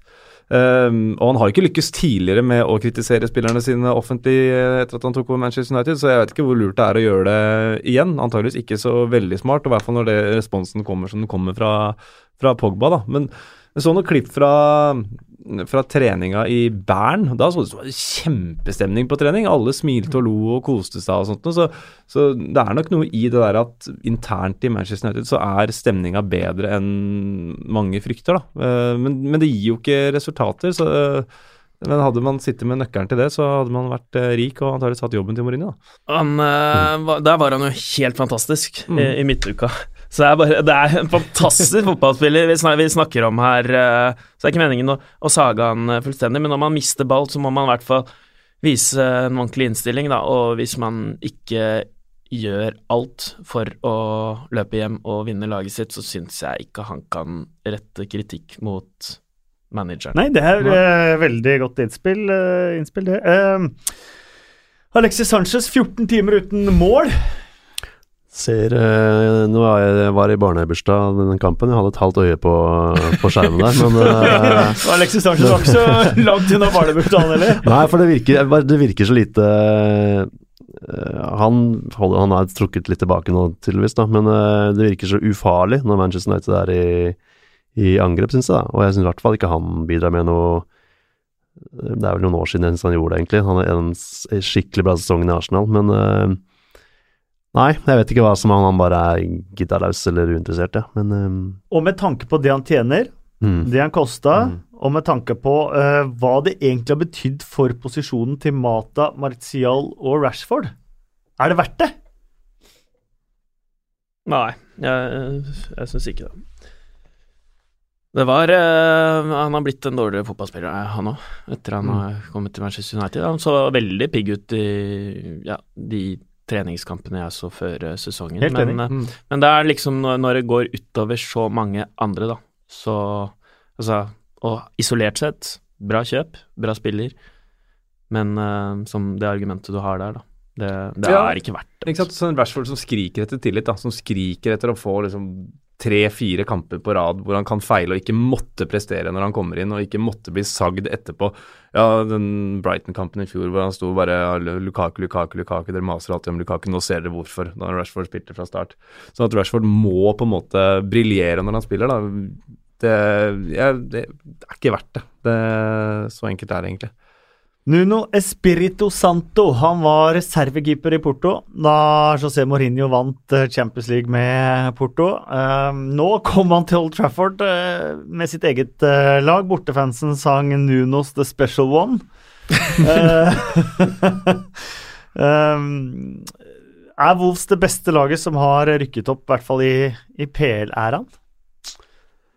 Ja, altså, jeg har satt veldig med følelsen av det da jeg fulgte det i fjor i Championship, Mm. at det laget her, det er, det er liksom Det er så bra, da. Det var, der, var, der var det aldri noen tvil om at de, at de skulle rykke opp. Det var liksom eh, Fra slutten av august så skjønte jeg at det her, de her går rett opp. Eh, og jeg sa vel at de her kommer til å komme topp ti i Premier League, liksom, for det er, Mm. de er så bra, da. Eh, og de har jo gjort det bra òg. Starta kjempebra, men det mangler jo litt på sånn På skåringer, kanskje, og sånn som det. Men eh, jeg kan ikke huske et lag som kommer opp på en måte har vært, i hvert fall føltes så bra, da. Uh, vi får jo se igjen uh, etter hvert, men uh, de var gode mot Manchester United. De Gea hadde noen redninger der som, uh, som hindra i hvert fall et par mål. Ja, Det som imponerer meg, er egentlig hvordan de kontrollerer kamper uten ball. Ser sånn som mot Manchester City og matchen på Old Trafford, så eh, hvis man skal se på ballinnehav Det er riktig å si. Det er ballbesittelse som er feil. Nei, nei, nei. Hvilken er riktig? Ballbesittelse er riktig. Ballinnehav er ikke et okay. ord. Det er, det er, Jeg- jeg det, Ja, jeg blander det. jeg tenker på det hver gang jeg kommenterer. bare, er det ballbesittelse? Her tenker jeg på Endre. Men, Ok, men- De har hatt Det er de, ikke eh, et hav. Altså, det blir en kombinasjon av et uh, hav og nettopp. innehaver og ball og Bare å huske hva som er eh, rett. Ja, men, eh, nei, men de, de har veldig lite ballbesittelse i de kampene, men de allikevel har kanskje de fleste og farligste sjansene og kontrollerer eh, kampene uten ball. Mm. Eh, at motstander får lov til å ha ballbesittelsen i ufarlige områder. Går det an å si? Ja. Og det er, eh, det er, ikke, det er et kjennetegn på et godt organisert uh, lag, det. Var jo uh, Stig Mathisen lærte meg det. Han var Kjelsås-trener. han har jobba litt med, med Drillo. Han var enda strengere enn Drillo, faktisk, fordi Drillo tillot jo da støttepasninger. Det gjorde ikke Stig Mathisen. Men han sa, han sa til oss det er ikke farlig å bli, bli rundspilt, så lenge det ikke skaper noe. Det er et veldig godt eh, poeng. Det er det. Og det som imponerer meg kanskje nesten mest, er at selv om eh, det har vært penger involvert, og de har fått noen fantastiske fotballspillere, så har det, han gjort altså meget gode fotballspillere av spillere som langt fra er fantastiske. Ja. Eh, han har organisert et lag. Conor Cody er nå plutselig landslagsaktuell for England som stopper. Altså den defensive midtbanespilleren som har vasa litt rundt etter at han eh, ikke, ikke var bruk for i Liverpool eh, som junior. Eh, Ryan Bennett eh, som ikke var i nærheten av god nok for Norwich f.eks., og ble bare frigitt. Eh, dette er spillere som spiller fast på et lag som både rykka opp eh, med høye kneløft i championship, og som fortsetter å, å imponere i eh, Premier League. Brighton 1, eh, Tottenham 2. Eh, Harry Kane mener at dette er den første kampen etter VM han virkelig er fornøyd med egen prestasjon. Ja, Ja, han burde vel hatt uh, mer enn ett mål. Uh, han kunne jo løfta nesa si et par ganger også, så hadde Tottenham fått flere mål. Men uh, det er jo bra at han er fornøyd, da. Uh, og hvis han er glad, så, så blir det vel bedre framover. Ja, jeg, jeg kommenterte jo den kampen, Mm. så jeg, jeg, jeg tenkte ikke at nå er uh, Harry Kane glimrende. Det var en bra straffe, og han var mer på hugget, så var det en framgang. Men ja, det, han har mer å gå på, han. eh, det tror jeg han vet òg. Men eh, det var eh, Viktig for Tottenham å vinne. Veldig viktig, og de holdt jo faktisk på å røre det til òg, helt på tampen der. De fikk uh, knockout redusert det tre minutter på overtid, og så hadde de faktisk en god mulighet etter det òg.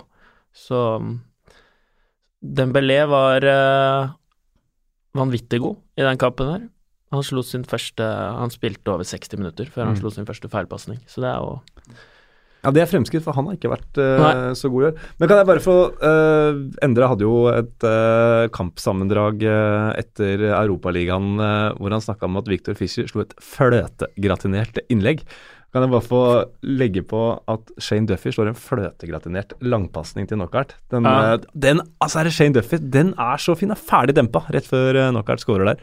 Så bra at vi snakker om eh, Shane Duffy og Grant Hanley og alle disse, her, disse ordentlige kjøtt, eh, kjøttgutta som har fått seg gode karrierer. Ja, ja. Eh, Brighton tapte sin første hjemmematch i ligaen siden mars, faktisk. Det er ganske imponerende. Mm. og Paolo Gazzaniga, Mm. han måtte stå for noe. Form også, form også Skal den ha kanskje bedre enn form? Ah, det syns jeg faktisk ikke. Nei, jeg sa kanskje. Ja. Jeg stiller Så dere litt, spørsmål. eh, ja, så litt uh, Jeg er keeperansvarlig på denne podkasten her. Um, han uh, virker litt mer utrygg, men veldig god med, med beina. Veldig god med beina. Jeg synes, ja, Arsenal- jeg, kan jeg bare få si jeg syns Gazzaniga så bedre ut enn form. Nettopp. Ja. Der har vi ulike meninger. Mm. Deilig. Arsenal 2, Everton 0. Du- Tom Davies Du er ikke keeperansvarlig, Espen. Nei, jeg men eh, sorry. Så det er uansett uh, jeg som har siste ord her. Tom Davies uh, kaptein. Eh, det må være den yngste kapteinen i, i hvert fall Evertons historie på veldig lang tid. Hans onkel ble jo ligamester for Everton i sin tid, på slutten av 60-, begynnelsen av 70-tallet der. Mm. Alan Whittle. Eh, Everton rundspilte jo Arsenal i perioder, da. Men uh, Arsenal vant jo 2-0. Uh, Peter Cech, første nullen for sesongen. Han har to nuller på de siste 33. Eh, med full redemption for han etter mye Mm. kritikk. Spilte en Mm. fantastisk eh, Mm. kamp. Um, 2-0-målet, det var eh, offside, men eh, det ble gitt. Eh, to ting. Um, eh, mangler Everton en spiss. Uh, ikke hatt egentlig noen stor målskårer siden Lukaku, og hvor hadde de vært med en spiss? Phil Neville dro meg vel langt på match, og det var ment at de hadde vært nærmest Champions League-lag hvis de hadde hatt en spiss. Uh, men det er ingen tvil om at hvis de hadde hatt en, skulle satt sjansene f.eks. i går, så hadde den kampen endt annerledes. Ja, Everton er litt sånn rart lag. eh, De kjøper inn uh, spillere og fornyer seg på en måte nesten hver sesong, men uh, de klarer aldri å De klarer aldri å finne helt løsningen, føles det som. Uh, Men, men ja, de mangler jo en spiss, jeg må, ikke si det. ja. Men jeg, liker, jeg liker jo veldig godt uh, Cenk Tåsund. Jeg Mm. Men han skårer jo ikke hauger av mål, han heller. Nei, men eh, det bør være egentlig en god match. Jeg skjønner ikke bare han får litt eh, selvtillit igjen uh, av Calvert Lewin. Han er jo litt sånn ung, men det er kjempepotensial på han òg. Så så de, de kom, kommer nok, de. Altså, jeg tror, tror de spissene kvikner litt til. Og så må vi jo berømme podkasten her. En liten klapp på skuldra. Vi har jo sagt hele veien at Lucas Torreira han kan være den manglende nøkkelen i, eh, i Arsenal, og Mm. har vel vist det så å si hver gang han har vært på banen, og viste det når han endelig fikk starte. Ja, han starta jo uh, mot uh, Vorskla Poltova i Europaligaen. Første starten hans, og du så med en gang at han var mye mer fremoverretta enn uh, en det Sjaka og Guendouzi har vært. Um, når han vinner ballen, så går ballen i lengderetningen stort sett eh, hver gang, og det er presist, og han eh, plukker fine pasninger. og Ble jo tatt av etter en halvtime da, sikkert da for å starte mot Everton, som han jo også gjorde. Um, og han kommer nok til å være fra starta når Watford kommer på besøk. Han er, eh, han er jo ekstremt, som du var inne på, kreativ og fremoverrett. Altså, han er mye mer enn bare en terrier, da. De snakker jo om, om den en ny Casorla her, men uh, ja, en komp Ja. kompis av meg som jeg snakket med i dag, han uh, er Arsenal-supporter, og han sier at uh, det kan vi ikke si, for Casorla, han var, er unik. Cardiff 0, Manchester City 5. Eh, tilbake på sporet etter en liten blipp i Champions League. Eh, Sergio Aguero eh, spiller sin tredje kamp, skårer sitt 205. mål. Og det som er litt artig med Sergio Aguero, er at når han skårer mål, så sparer han på drakta. Eh, han får liksom eh, sydd inn eh, motstander og antall mål han har skåra, og resultat i draktene, og plasserer det på et eh, rom. Det må begynne å bli ganske stort. Skulle til å si det. Rommet. Stort rom. Eh, Men jeg elsker jo eh, at fotballspillere også sparer på litt sånn eh, memorabilia og klenodier for seg selv. Da. Mm, absolutt. Han er helt unik. Han er, eh, han er kjempe, kjemperå, han. Så jeg lurer på hva han skal gjøre med de eh, draktene. Han må jo Kan ikke bare ha de i et rom. La de støvne Eh, det var litt historie fra forrige sesong med Joe Bennett som uh, kvesta Leroy Sané der da de møttes i cupen. Eh, hadde jo et par tilløp til noe av det samme denne kampen eh, her, men eh, apropos Leroy Sané, så har vi jo spekulert litt i hva som har vært gærent eh, der, og hva som ikke har fungert. Og nå fikk han jo sjansen, da, og var jo tilbake på Sané fra forrige Mm. sesong. Fantastisk morsomt. Ja, veldig god, og jeg vet jo hva han driver med, Pep. Det er ikke noe særlig, eh, særlig tvil om det. Det var vel eh, Joe Rolls, faktisk. Det var vel fortsatt en Joe som Ja. eh, kvesta, om enn ikke like stygg. Så Nei, Sané var, han var ikke skuggeredd han, selv om han fikk seg en trøkk på, i Cardiff eh, forrige sesong. Så syns jeg Gundogan også, eller Gundogan også fortjener eh, honorable Apropos navn, så er det Gundogan. Ja, Gundogan, var det Gun- Gun- Gundogan? Gundogan. ja. Gundogan, ja. Men når det er sånn greie på G-en på tyrkiske navn, så er det stum G. Oh, det- Akkurat som presidenten heter Erdogan. Ja. Men uh, Han var god, da, i hvert fall. Og Chalanolu. som boks, bokstavrim Det synes jeg var positivt. eh, Jeg kommer til det bokstavrimet. Gondosi. Men eh, og eh, Sané de viser en sånn positiv, eh, positivt kroppsspråk nå, og det liker jeg veldig, veldig godt. Mm. å se. Det ser Er Gondosi og Sané et bokstavrim? Nei, uh, Gondosi og uh, Espen? Gondogan? Gundogan. Ja, Gundogan. Det er jo det er bokstavrim. Uh, begge starter på G. Enkelt og greit. Men uh, Gondosi han sto jo og jubla. Ja. be, uh, det, han sto og jubla på begge skåringene mens han varma opp. Og det er, eh, det er gull, og der er eh, Sané litt òg. De, Mm. de må bare skjønne at kroppsspråk har noe å si, og det er viktig. Eh, og trenere ser det, og de leter etter det. Og Pep han snur seg til benken og ser hvem som eh, jubler for eh, skåringer. Så det her er eh, noe unge fotballspillere i dag, i hvert fall enkelte, har en utfordring med, og den klarer man å knekke den koden, så er det en nøkkel. Eh, helt til slutt så tar vi bare en uh, kjapp titt på Leicester mot eh, Huddersfield. Leicester vant uh, 3-1 etter at Sanka hadde gitt Huddersfield uh, ledelsen. og eh, Er det noen som er lei av å prate om eh, James Madison, eller kan vi ta to ord til? Du er i hvert fall ikke det. Nei, nå spør jeg bare et åpent spørsmål. Altså, vi snakka om han på fredag òg, så bare kjør på, du. Det er,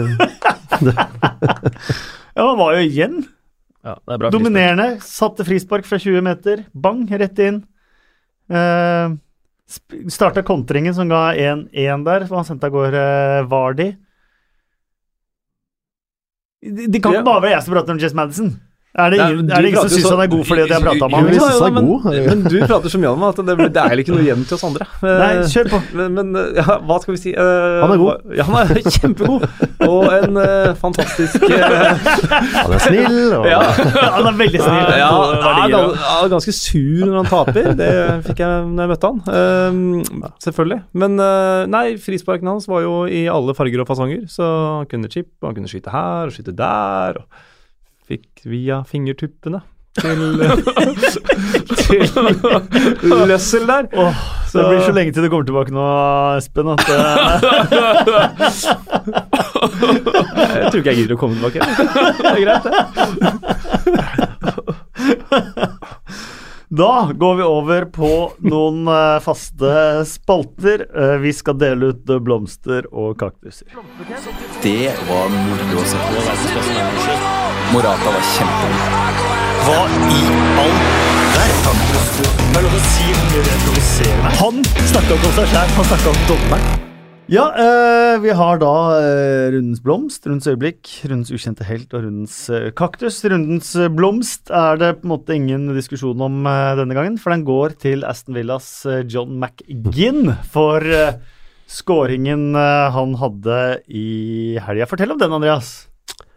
Ja, det var jo ganske spektakulær, den. Uh, han får den vel en retur fra 16-meteren, så står han vel kanskje på 20, par 20 meter, og så Det er ikke bare volley, liksom. Han tar sånn beinet opp, kanskje opp til skulderhøyde og drar av gårde en eh, volley så langt opp i krysset som du kan få den, tror jeg. Kanskje den fester seg oppi i krysset der. Så- Lengst oppi der bestemor gjemmer eh, kakeboksen. Det er det jeg vil kalle en yogavolley, rett og slett. Ja, Rett og slett. Det er eh, Volleyteknikken der er eh, helt rå. Det som skjer først, du ser det er en spiller som løper mot ballen, og så ser han bare at han lader denne yogavolleyen, da.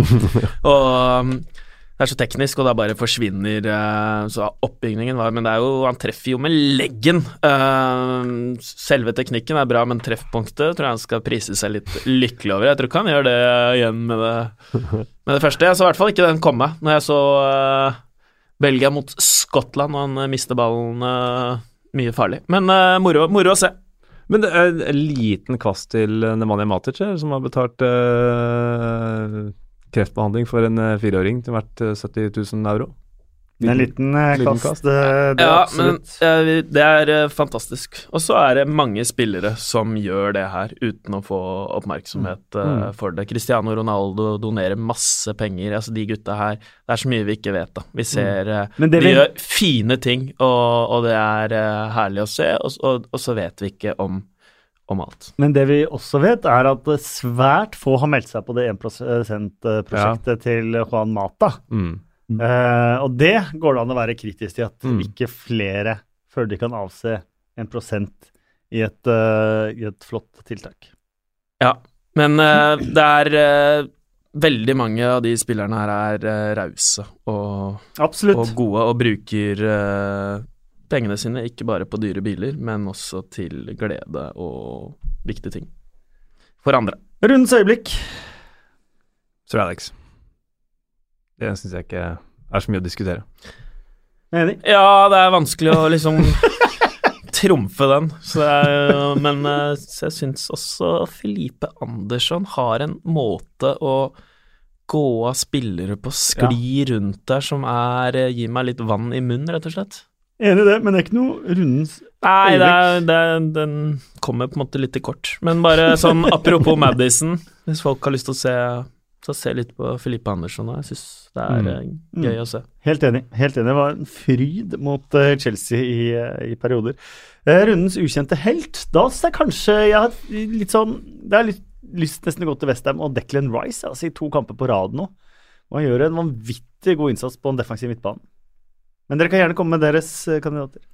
Ja, jeg er jo eh, Watford-korrespondent for tiden, så jeg har lyst til å trekke fram en som eh, ikke har fått så mye oppmerksomhet. Etienne Capo. Han syns jeg er vanvittig god på den sentrale midtbanen der. Nå ble det ikke tre poeng denne gangen, men den kampen han leverer denne runden her, syns jeg er helt der oppe. Så han er en kandidat for meg, men ja, Declan Rice jeg, kan, jeg kan være enig i det òg. Han vant ballen 16 ganger. Rice eller Kapo? Eh, Kapo. Ja. Neste på banen Men var han 11. gikk inn for å knekke beinet til Wilfried Saha. Ja, men det var forrige ja, Det var et par runder siden. Men, da, men rund- da tar, det, tar det litt tid før det kommer Det er jo- opp til å få en pris her, altså. Ja, ok, ja, men det var jo Jeg trodde det var ukas ukjent helt, jeg. Ikke Ja men årets. det, Ja, jeg vil gjerne nominere Sammen med meg. Gandosi, Gandosi som sto og jubla to ganger på, på siden. Mm. Det her har vært et problem for han. Han eh, hadde et disiplinærproblem. At han, han har ikke tålt å sitte på benken, han har ikke tålt å bli bytta ut. Og så har det bare blitt dårlig stemning, og det gledet meg å se at han gledet seg på vegne av laget. Fordi da blir det positivt, for han er en sinnssykt god spiller. Eh, kaktusen? Ja. Ehm, jeg skal jo til Craven Cottage igjen, jeg, for ett forslag iallfall. Ja. Alfie Maasen, det er jo en av de dårligste omgangene Åh, levert av noen i Premier League de siste fem åra. Fryktelig. Alt han gjorde var feil. Men skal ikke han bli landslagskaptein? Det tviler jeg veldig sterkt på. Jeg tror Connor Cody, Cody blir landslagskaptein før Alfie Maasen. Er det noen som andre kaktuser? Han var ganske dårlig, ass. Ja. Han var ganske ellevill, den omgangen hans. Ja. Så jeg stiller meg bak det. Eller eh, flaske fra Newcastle-fansen i huet på Van Bissaka. Er jo Mm, det er heller er ikke noe særlig eh, pent. Ja, det var stygt. Mm. Det var det. Skal vi gi eh, kaktusen der, kanskje? ja? Ja, for det er, det er kanskje litt Det er ikke dårlig gjort overfor Alfie han er sikkert eh, Han tåler han. Men, uh, det er Jeg, lov, jeg men, vet at de ofte gråter etter å ha fått uh, dårlig omtale her. ja, men det er lov å være ræva. uh, Ja. Men det er ikke lov å drive og kaste flasker i huet på folk. Nei, det er jeg enig i. Og så var det eh, Warnock òg, som han satt Han starta pressekonferansen og si at de var bra. Altså, første mål var unødvendig, og så og så bare ga han opp og bortforklarte det. Han brydde seg liksom ikke. Nei, det er, nei, det er ikke noe definerende for oss, det 5-0-tapet her i det hele tatt. Og, ja, det har ikke noe å si. Han er så rå. Så, Han er veldig lugn foreløpig, men jeg bare venter på at han skal tippe over, for det har vi sett før.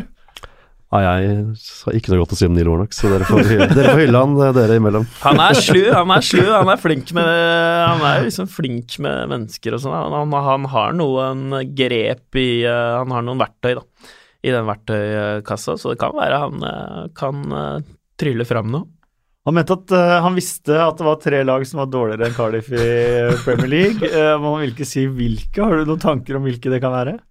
Det er vel eh, Jeg har noen tanker om det, men eh, Du tror ikke det er det? Nei, jeg tror ikke det. Jeg skjønner ikke hva Cardiff har å gjøre i Premier League. Jeg, skjønner jo fortsatt ikke hvordan de klarte å rykke opp eh, det i fjor, men det er Det er kanskje min motvilje mot Neil Warnock at jeg vil ikke se det, bare. Men, Men for Vi satt og snakka om det også, Vito, helt ute i sånn februar-mars. mm. At ja, ja, vi hadde ikke de med i opprykksdiskusjonen da engang, for de kom jo til å sprekke. Ja, det er rått å si. Sitte i mars og ligge Nei, de kommer til å sprekke. Det kommer til å skje. Men eh, nei, det var veldig rart at de rykka opp, altså. Det er, jeg syns ikke laget der var liksom ikke Men eh, ja, jeg, har- jeg har Leeds-øyne. De har to liksom eh, Leeds rejects på laget der som spiller Premier League nå, som jeg heller ikke forstår hva jeg gjør der. Så det er nok litt Leeds-spillerne mine som er på. Et, et, eh, tips er jo å, følge litt sånn pressekonferanser fra han og fra Sarri, syns jeg. Det er god underholdning før pressekonferansen. Og så spurte han en journalist kan ikke jeg bare komme og bytte plass med deg. Og så, Det var en åpenbar vits, da, men det var jo ingen som lo. Det gjør ikke dere. Det gjør, nå gjør dere det, men uh, han er litt han er fet, da. Det er litt sånn The Office òg, over, over det hele. Det er det. Eh, hadde jo, ja, vi hadde jo god dekning av hans uh, postmatch-intervju etter Wolverhampton-matchen i uh, forrige sesong uh, også, hvor han skjelte ut Nuno Espirito Santo. Vi går over til litt fun facts fra Bill Edgar. Arsenals syv siste. Aldri skjedd! Første gang siden er den sjette spilleren. Fun factsene til Bill Edgar. Bill Edgar er jo da uh, statistikkmannen i The Times. Har eh, sin egen spalte i eh, bilaget The Game hver uh, mandag. Finner fram litt uh, artige varianter da, fra, fra helga som har vært. Han kan jo melde at Liverpool eh, har hatt den eh, raskeste poengstarten i øverste divisjonen eh, etter krigen. Eh, de er det eneste laget som har vunnet sine seks eh, første kamper, også ved å lede til pause eh, ved hver eneste anledning. Liverpool er åtte poeng foran Manchester United i september for første gang siden 1990. Topp tre i Premier League, altså Liverpool, Manchester City og Chelsea, er 14 poeng eller flere foran de tre bunnlagene Huddersfield, Cardiff og Newcastle seks kamper inn i sesongen. Eh, hvis man omregner til tre poeng for en eh, seier, så er det første gang det har skjedd i ligahistorien, som startet i 1888. Vi kan ikke drive med Premier League-historie her. Litt enig i det? Fred er den første Fred til å score for Manchester United siden Freddy Goodwin i januar 1960. Hm. Eh, det er jo ikke verst, uh, får en si. Uh, men her kommer en Bill Edgar spesial, nemlig. Han er god på bokstaver og initialer og sånt. Men han hadde jo i sin tid Jeg kommenterte Arsenal-Aston Villa, hvor Andreas Weimann skåret for Aston Villa i sin tid. Eh, hvor han da meldte her at Andreas Weimann var den første med Arsen Wengers initialer til å skåre mot Arsen Wenger siden Ashley Ward for Barnsley i 1997. Eh, det er litt sånn eh, samme her òg, eh, for det er første gang i den øverste divisjonens historie at manager og spiller har hatt vokaler som initialer. Alex Iwobi og Unai Emery. det har ikke skjedd. Det nærmeste vi kommer, er Andy Aitken, som var spillende manager for Millsbro fra 1906 til 1909. Det er helt vilt. Det er dypt. Det Det er, ganske dypt. dypt! Da har han gravd, eh, gravd seg langt, eh, langt ned. Eh, Mason Bennett, er det noen som har noe kjennskap til han? Han har vært et veldig stort talent for Derby i alle år. Jeg husker jeg så han dominerte for U17 i et Toulon-mesterskapet med U17 for England, da Angus Gunn sto i mål. Det var egentlig grunnen til at jeg så på uh, mange av de kampene, men han har stort sett vært utlånt fra uh, Derby, da. Men uh, nå har han spilt sin 90. ligakamp. Han har vært utlånt da til Chesterfield, Bradford, Burton og Notts County.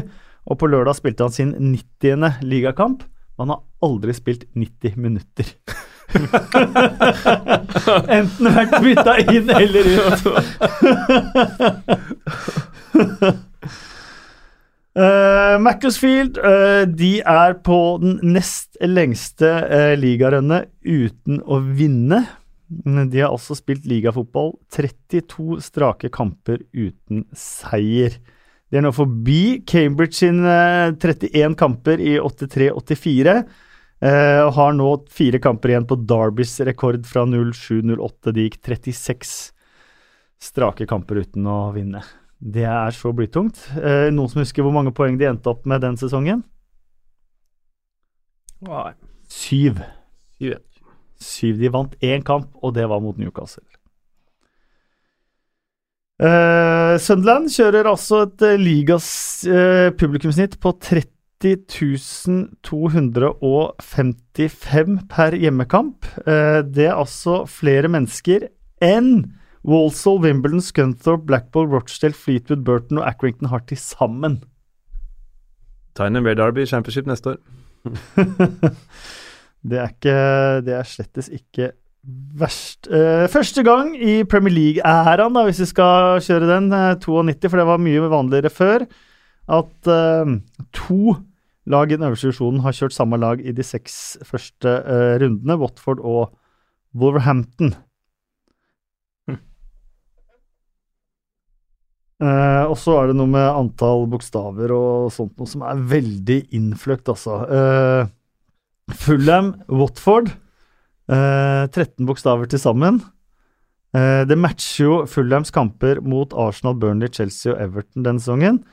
Men den eh, forrige øverste divisjonkampen med færre enn 13 bokstaver, det var Burry Everton i april 1929. da var vi gjennom de! Sterkt. Det er ganske sterkt. Er Jeg har eh, en sånn drøm om å eh, ta et par øl sammen med Bill Edgar og eh, VGs Geir Juva. Jeg tror det kunne blitt eh, interessant. Jeg tror faktisk ikke det har blitt kjedelig heller. Ja, det, ble vel nevnt sist der òg, men det bare hvor er det han, hvor er det han uh, henter det fra, på en måte? Hvor er det han. For man må jo tenke tanken før man henter infoen, tenker jeg. Og det er der du mister meg litt. I hvert fall på de vokalene. Det, Ja. altså, det er jo Det er så spinnvilt. Har han tenkt bare Alex Iwobi, Unai Emery? Jeg må ha starta med Unai Emery. Tenker han starta der, og så begynte å lete etter vokaler. Det er en kunstform, altså. Ja. Det er en uttrykksform som er veldig kreativ. det er det også. Eh, vi har noen eh, spørsmål på eh, Twitter. Vi er der på 2PL-pod. Uh, Kim Sandum, det har vært noen vanvittige mål allerede denne sesongen. Også noen redninger som har fått folk opp av stolene. Noen favoritter av redninger mål så langt? Oh. Jeg likte jo Fabianski, hvis vi skal ta veldig kort historie, da, som redda med nesa på Moratas uh, forsøk i går. Ja, den var fin. Jeg syns jo øh, Selv om jeg sleit med å få med meg sjøl, Ben Foster sin på Mitrovic sin heading nå, den syns jeg var øh, Den var, var høy klasse på. Det kommer til redninger, i hvert fall. Vi legger den i potten. Hva tenker dere om eh, topp tre-spillere i verden, spør Magnus Raika, og hvorfor er dette Messi, Cristiano Ronaldo og Azar? Klassisk Twitter-formulering, Mm. det der. Eh, Nei, det kan godt, godt være de tre. Er det. Samus Saiz inni inne der? Nummer fire, tror jeg. Ja, sammen med Temo Pukki. Og Linden Gooch. topp- da har vi Linden Gooch nummer fem. da har vi topp seks i verden der, da. Ja. Du, jeg så et spørsmål om uh, Fosu Mensa. ja, uh, det var samme, det. ja, var det samme fyren? Ja. Uh, hva heter han? Uh, skal vi se her Eh, Magnus Raika. Hei, Magnus. Jeg bare Liten korrigering. Det var ikke helt plettfri kamp fra Fosu Mensa når han eh, stempler eh, Troy Dini eh, så du synger etter. Men veldig koselig at han etterpå sier unnskyld på Twitter. Og Troy Dini, som Å, da svarer Han sier bare It wasn't intentional. Den var, den var stygg, altså. Den var Ja. helt på kanten Ja, det så jeg faktisk. Jeg skulle faktisk vært rødt. Og så, så svarer Troy Dini bare Ja, det er heat of the battle, ikke noe problem, bro. Lykke til, neste, lykke til videre. Det syns jeg er kult. Ja, veldig kult. Så, og Fosse Mensa, når det er sagt, spilte en kanon annen gang og var, var veldig god. Så veldig enig med 99% av innholdet i at han spilte en plettfri kamp. Adrian Langli spør har Huddersfield et håp. Nei, Nei. Nei, overhodet ikke. Ja, alle har jo håp. Men så dårlig de er denne sesongen. De har håp om, Ja. ja, håp om poeng, men de har ikke håp om å redde plassen. Sånn som, eh, sånn som det er nå. De ser helt, eh, helt mørkt ut. Vi spilte på glød og overskudd og entusiasme forrige sesong, nå har det tatt slutt, og de har Mm. ikke nok kvalitet i, i laget. Det er garantert et av lagene Warnock sikter til, når Mm. han eh, vet om tre som er dårligere. Sa jo at Wagner må ryke først, faktisk, eh, i forrige podkast, når vi eh, skulle tippe det. Du står ved den. Ja, er det noen flere over på min side, for å bruke din uh, formulering? Det er noen som, eh, som sliter, eh, sliter fælt da, men Bro Wagner er eh, en ganske høy stjerne i Ja, Huddersfield. det er akkurat det. eh, Så eh, kanskje finner en løsning der etter hvert, at han bare bestemmer seg for å gå. Men jeg tror ikke han får noe sånn fyken. Og så er det vanskelig i eh, klubber som har gått så ekstremt i én retning, da, med både med tanke på eh, hvordan de er ansatt på og utenfor banen, både av spillere og støtteapparat og Mhm. sånt noe. Eh, for du må gå en sånn veldig annen vei. Mm. Eh, hvis du skal sparke Norwich, er jo litt i samme greia med Daniel Farke, som har henta masse spillere fra dritt Bundesliga og, og alle ting. Så er liksom, du må kaste alt på båten hvis du først skal Ja. kaste noe på, på båten. Det er ikke bare justeringer hvis du får inn en annen, annen manager. Eh, Garman, eh, Saido Berainos hat trick. Eh, endelig scorer han, men eh, det er jo uh, Han skåra for første gang siden februar 2016. 47 ligakamper. Hadde riktig en i Carabao Cup, uh, men første ligamål på 47 kamper. Hadde assist. Og fra 0-3 mot Blackburn så henta de altså opp til 2-3, og så fikk de straffe.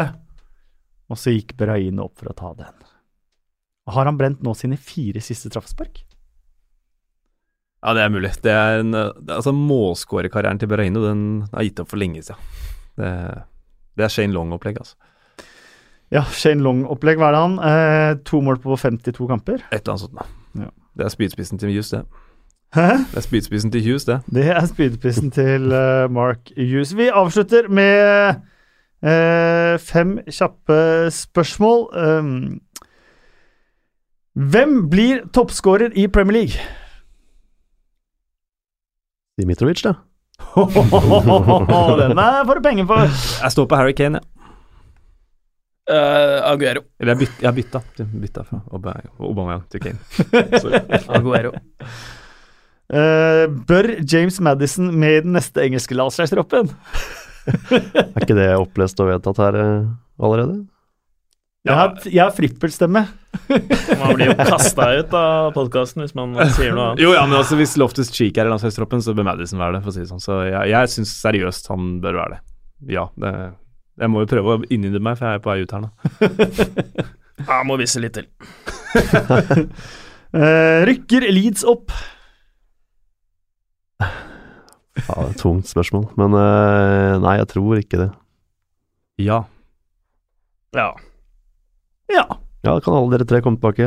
Dere, dere er velkommen. Men her kommer et annet spørsmål. Hvilke tre lag ønsker dere opp fra championship hvis dere fikk velge? Nei, jeg ønsker jo Leeds opp, åpenbart. Eh, Så syns jeg Villa er et ganske fett lag. Eh, Jeg syns ikke Steve Bruce er noe mann å ha med seg opp, men jeg syns laget er ganske fett. Um, og eh, Derby, kanskje. Eh, jeg vil ha Leeds opp, og så vil jeg ha Sheffield United opp, og Nottingham Forest. Bare på klubber. Mm. Vi har Leeds opp, Middlesbrough opp. Middlesbrough. Ja, Forferdelig. Var ikke de eh, fryktelig kjedelige sist? Det var eh, det laget jeg egentlig heide på. Jeg sier ikke hvem, eh, hvilket lag jeg heier på, men det var det laget jeg egentlig eide på, fordi Fjørtoft uh, var der, og så kom uh, søstera mi var i England, og så kom hun tilbake med en annen drakt. Og da ble det bare sånn. Uh, vet ikke om det er takhøyde for å si det her, men uh, Sheffield United er litt kul, de. Uh, sånn objektivt uh, sett uh, så eh, hadde det vært fint med Leeds opp. Og så er det ett derby jeg savner i eh, Premier League, som er eh, Hvis du ikke har sett eh, TV-kamp eh, fra det, så få med deg den på terminlista neste gang. Det er Derby mot Nottingham Forest. Det er Mm. altså så eksplosivt. Eh, så fått opp de to lagene der. Eh, for å fått det derby i Premier League hadde vært eh, helt fantastisk bra, faktisk. Subjektivt, er det et lag til annet lag du vil ha? Subjektivt er det, finnes det et annet lag. Også, Apropos det, gå inn på Twitter og gjett hvilket lag Endre Olav holder med. Eh, da kan man kanskje få noe artig, artig forslag. Det er uh, det er en eh, godt bevart hemmelighet. Får vi se om den forblir godt bevart, men det er lov å gjette og spekulere, iallfall. Skal vi se om han, han svarer etter hvert uh, også. Um, siste spørsmål. Hvilke lag tror dere rykker ned fra Premier League? Huddersfield, Cardiff Skal jeg si Newcastle? Da? Nei, da får jeg mange folk mot meg. uh, I min personlige krets, altså. Uh, nei, jeg vil jo, sier det.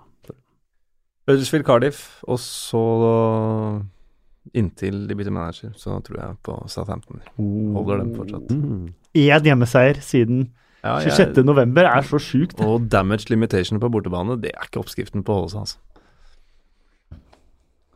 Sier Huddersfield, eh, Cardiff, jeg òg.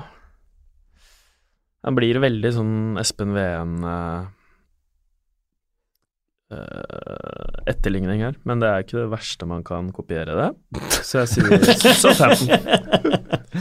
Uh, jo, apropos, i og med at vi kom inn på Derby. Det er altså José Mourinho mot hans kaptein i hans mest suksessfulle periode, Frank Lampard og Derby i ligacupen denne uka. Mhm. det, det, det er en litt morsom variant, det, altså. Mm. Gleder meg.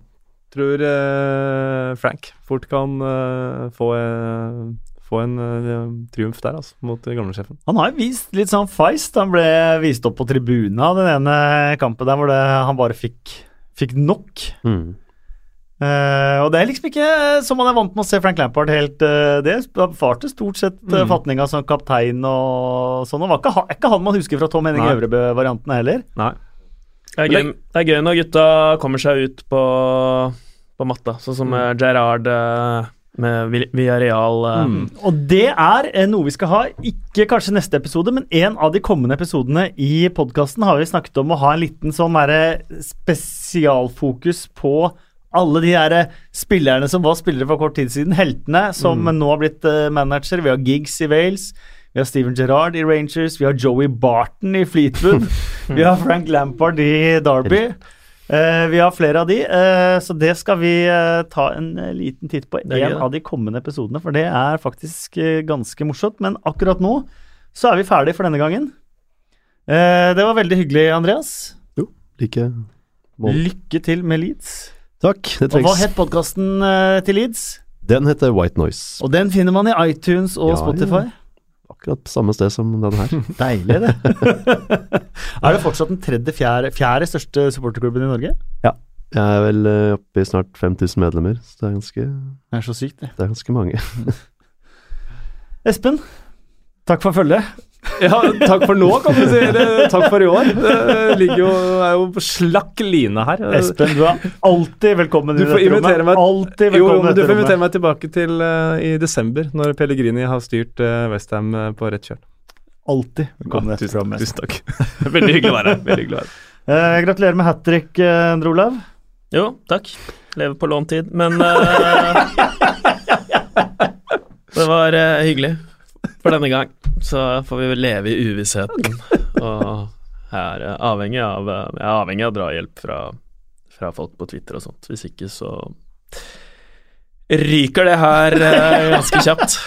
Uh, de som har lagd uh, denne episoden, uh, er jo moderne media, og ikke minst Håkon. Håkon, du har sittet her nå hele podkasten. hvem av de tre her var best? De som er i panelet, Ja, du? ja. Jeg holder en eh, knapp på Endre Olav, altså. Ja, det er rigga. Det er rigga. Ja, det er rigga. Håkon er en kjempefyr. Det var jo heisen De reparerer jo heisen der, er jo i sjette etasje. Håkon var nede da i første etasje og henta meg opp hit. Han henta ikke meg, så det er kanskje det, det er rigga. Det er rigga. Og tusen takk til deg som uh, hørte på. Vi er tilbake selvfølgelig neste uke. Selv om det er høstferie, så er det noen som aldri tar fri. Og det er fotball døgnet rundt, og da, da blir det podkast selv i høstferien. Så da får du kose deg med den da, og så får du lykke til med laget ditt i ligacupen, hvis ikke det er utslått allerede. Eh, lykke Det til eh, Det er det, ja. Sorry, jeg lå ikke retta mot deg! Hvor var det dere røk? Det var Preston. Det var Preston, ja. Laget som ligger på Ja, ja, ja, ja. i championship. Ja, ja, ja. Slo dem 3-0 i ligaen forrige uke. Da. Ja, ja, det er sant. Uh, Sunderland er ute, de òg. Sunderland? ja, vi har uh, heldigvis Norwich mot Wickham på Adams Park i, i morgen, tror jeg. Adebayo Akinfenwa mot Team Klause. Den gleder jeg meg til. Eh, og det var egentlig det jeg skulle si. Takk for uh, følget, uh, og lykke til uh, de 50% som har laget sitt i Liacupen. Og lykke til i helga som kommer. Nå fikk du kanskje et lite hint om hvem Endre Olav holder med. Takk for nå.